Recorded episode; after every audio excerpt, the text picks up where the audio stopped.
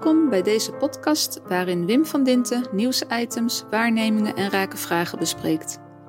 Veel zaken worden pas echt interessant als je dieper graaft en daar kom je altijd een laag van betekenisgeving tegen.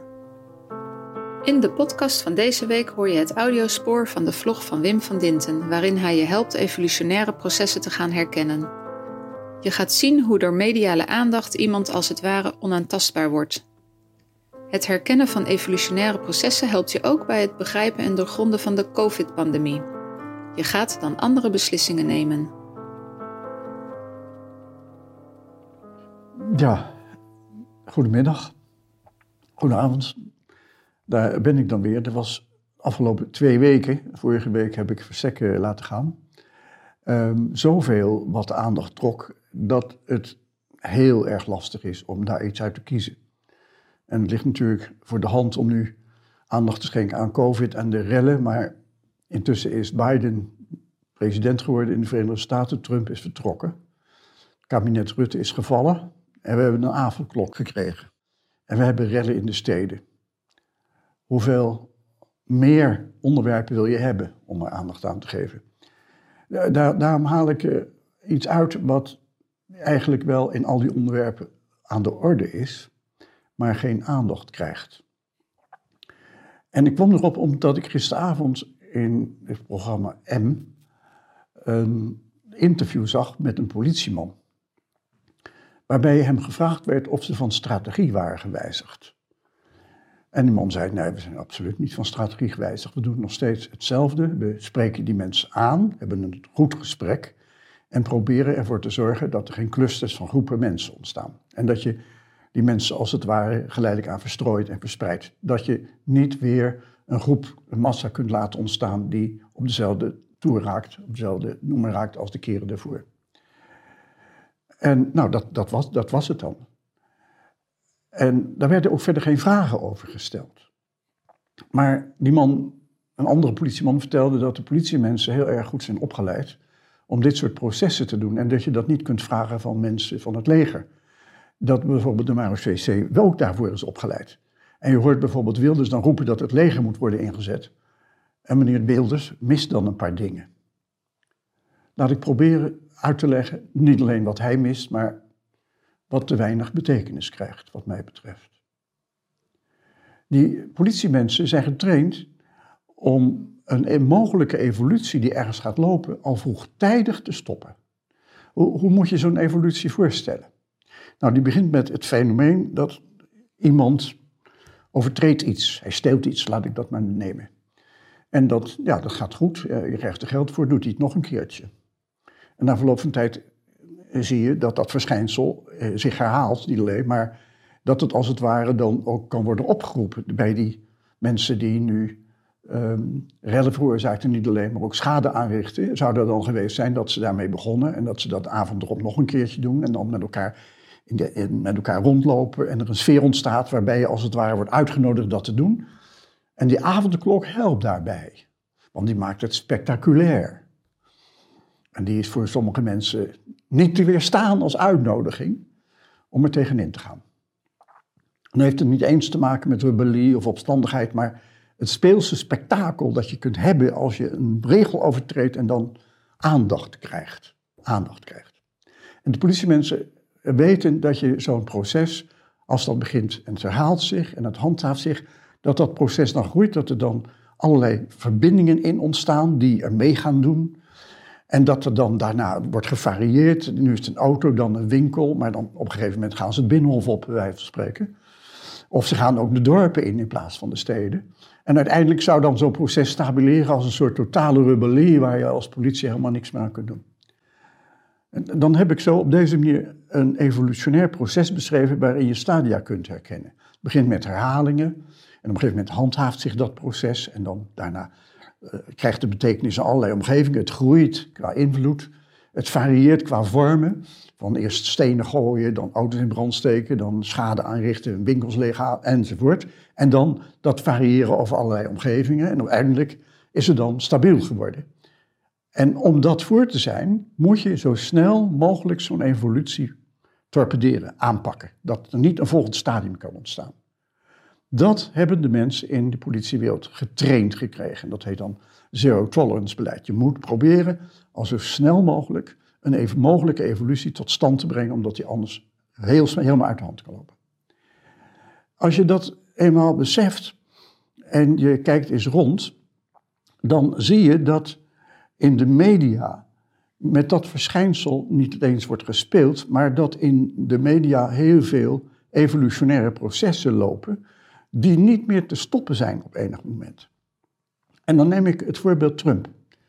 Eh, Trump die werd een media, mediafiguur. Hij had een programma waarin mensen werden beoordeeld en er altijd wel eh, iemand werd you are fired geroepen. En het was spectaculair. Hij, hij was heel zelfreferentieel daarin en hij accepteerde zelfs geen kritiek. En kortom, het was een spektakel om naar te kijken.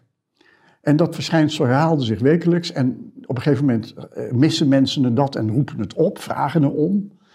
En nou, dat, die figuur die, die groeit daar ook in. En die gaat zich dan ook op enig moment uitspreken over allerlei kwesties. En je ziet dat die betekenis van hem in allerlei omgevingen groeit. En, en dat hij dan ook gaat variëren in uitspraken en manieren van doen. En dat hij niet alleen in de studio dat doet, maar op zo'n golfcourse en in, de, in clubs en in hotels. Ga maar door. En dat hij uiteindelijk ook in andere landen op gaat treden en dat ook nog eens een keer haalt. En uiteindelijk ontstaat er een situatie waarbij elke expressie die hij doet aandacht krijgt en hem versterkt. En uiteindelijk is dat stabiel geworden. En op dat moment dat hij ervaart dat hij kan roepen wat hij wil en toch aandacht oproept en als feit wordt beleefd, dan ligt het ook voor de hand dat hij de politiek in gaat. En dan ontstaat er een, weer zo'n evolutie op basis van wat hij al had bereikt, die dan natuurlijk uit enig moment uitmondt in iets wat dan niemand kennelijk had verwacht. Maar hij werd president van de Verenigde Staten.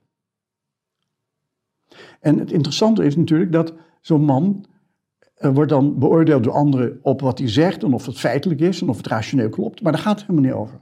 Het gaat erover dat hij iets roept en dat dat blijft staan en in de samenleving aandacht krijgt. En dat je ook herkent dat de media dat doen en daarmee ook, of daarvan ook profiteren, want dan krijgen ze betere kijkcijfers, hogere reclameinkomsten.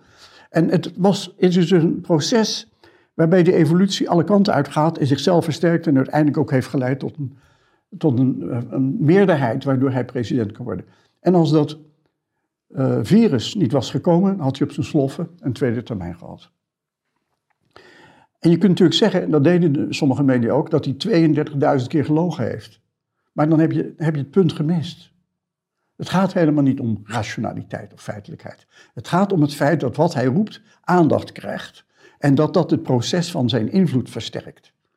En dat juist wat hij roept en aandacht krijgt niet rationeel moet zijn, omdat hij dan wellicht geen aandacht krijgt of niet wordt erkend, dat roept natuurlijk ook op dat het steeds belachelijker wordt en steeds vaker wordt overdreven.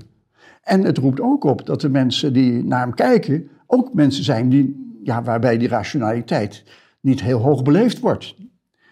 Dat, dat fenomeen, dat iemand aandacht krijgt met wat hij roept en dan uiteindelijk een verschijnsel wordt in de wereld en als verschijnsel wordt herkend en aandacht krijgt, is een mediale expressie. En dat gaat los van, van rationaliteit. Dus op het moment dat je zegt, ja, uh, die man deugt niet of je, je, je, hij houdt zich niet aan de wet. Of, dat raakt absoluut niet. Het is een verschijnsel dat mediaal is ingestoken, mediaal expressie krijgt. En je kunt je zelfs afvragen of dat wel past bij een democratie.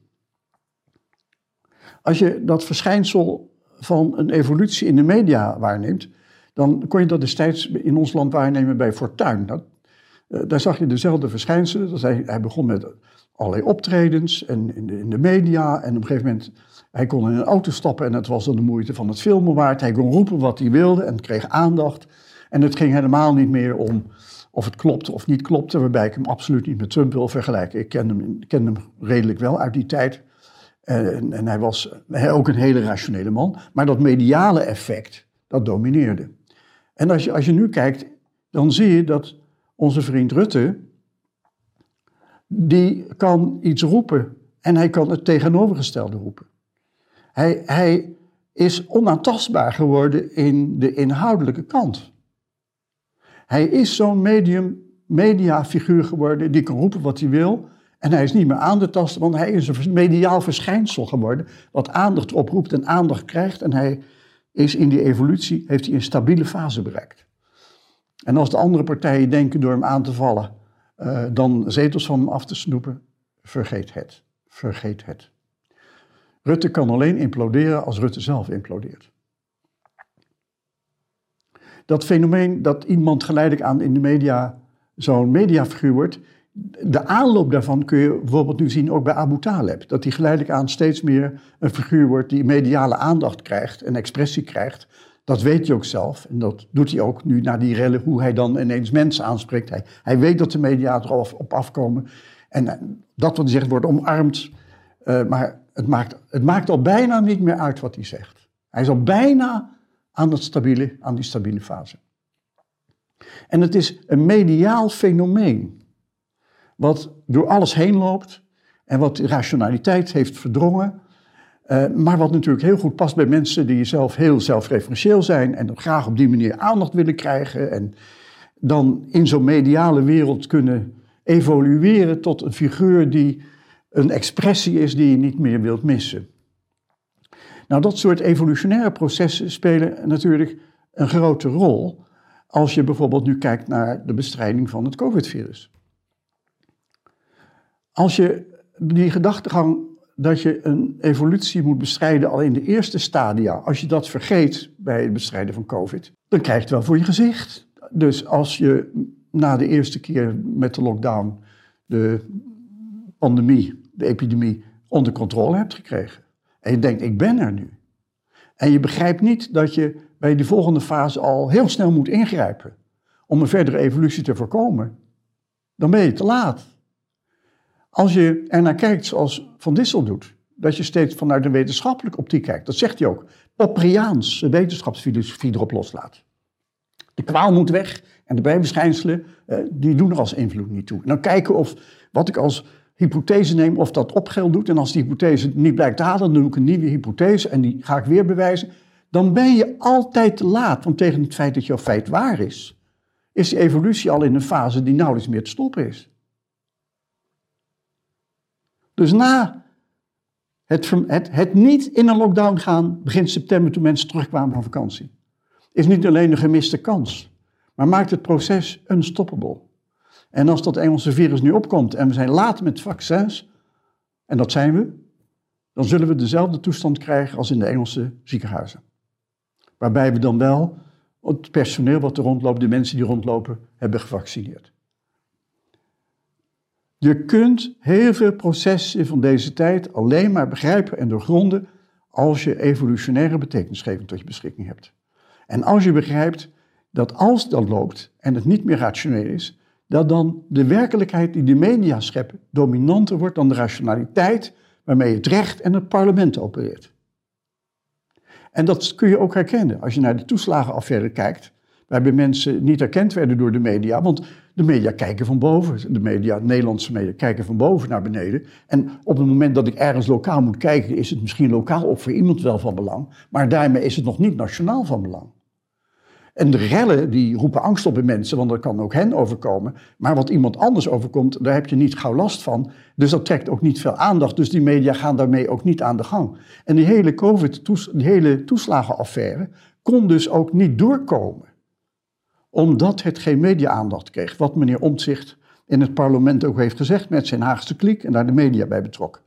En ook als je dit begrijpt, dan zie je als je kijkt naar de media en mensen opereren vanuit zichzelf, en dat was ook uh, beleid al heel, heel lang, dat je uitgaat van jezelf, dan is het zelf doorlopen van zo'n evolutie natuurlijk fantastisch.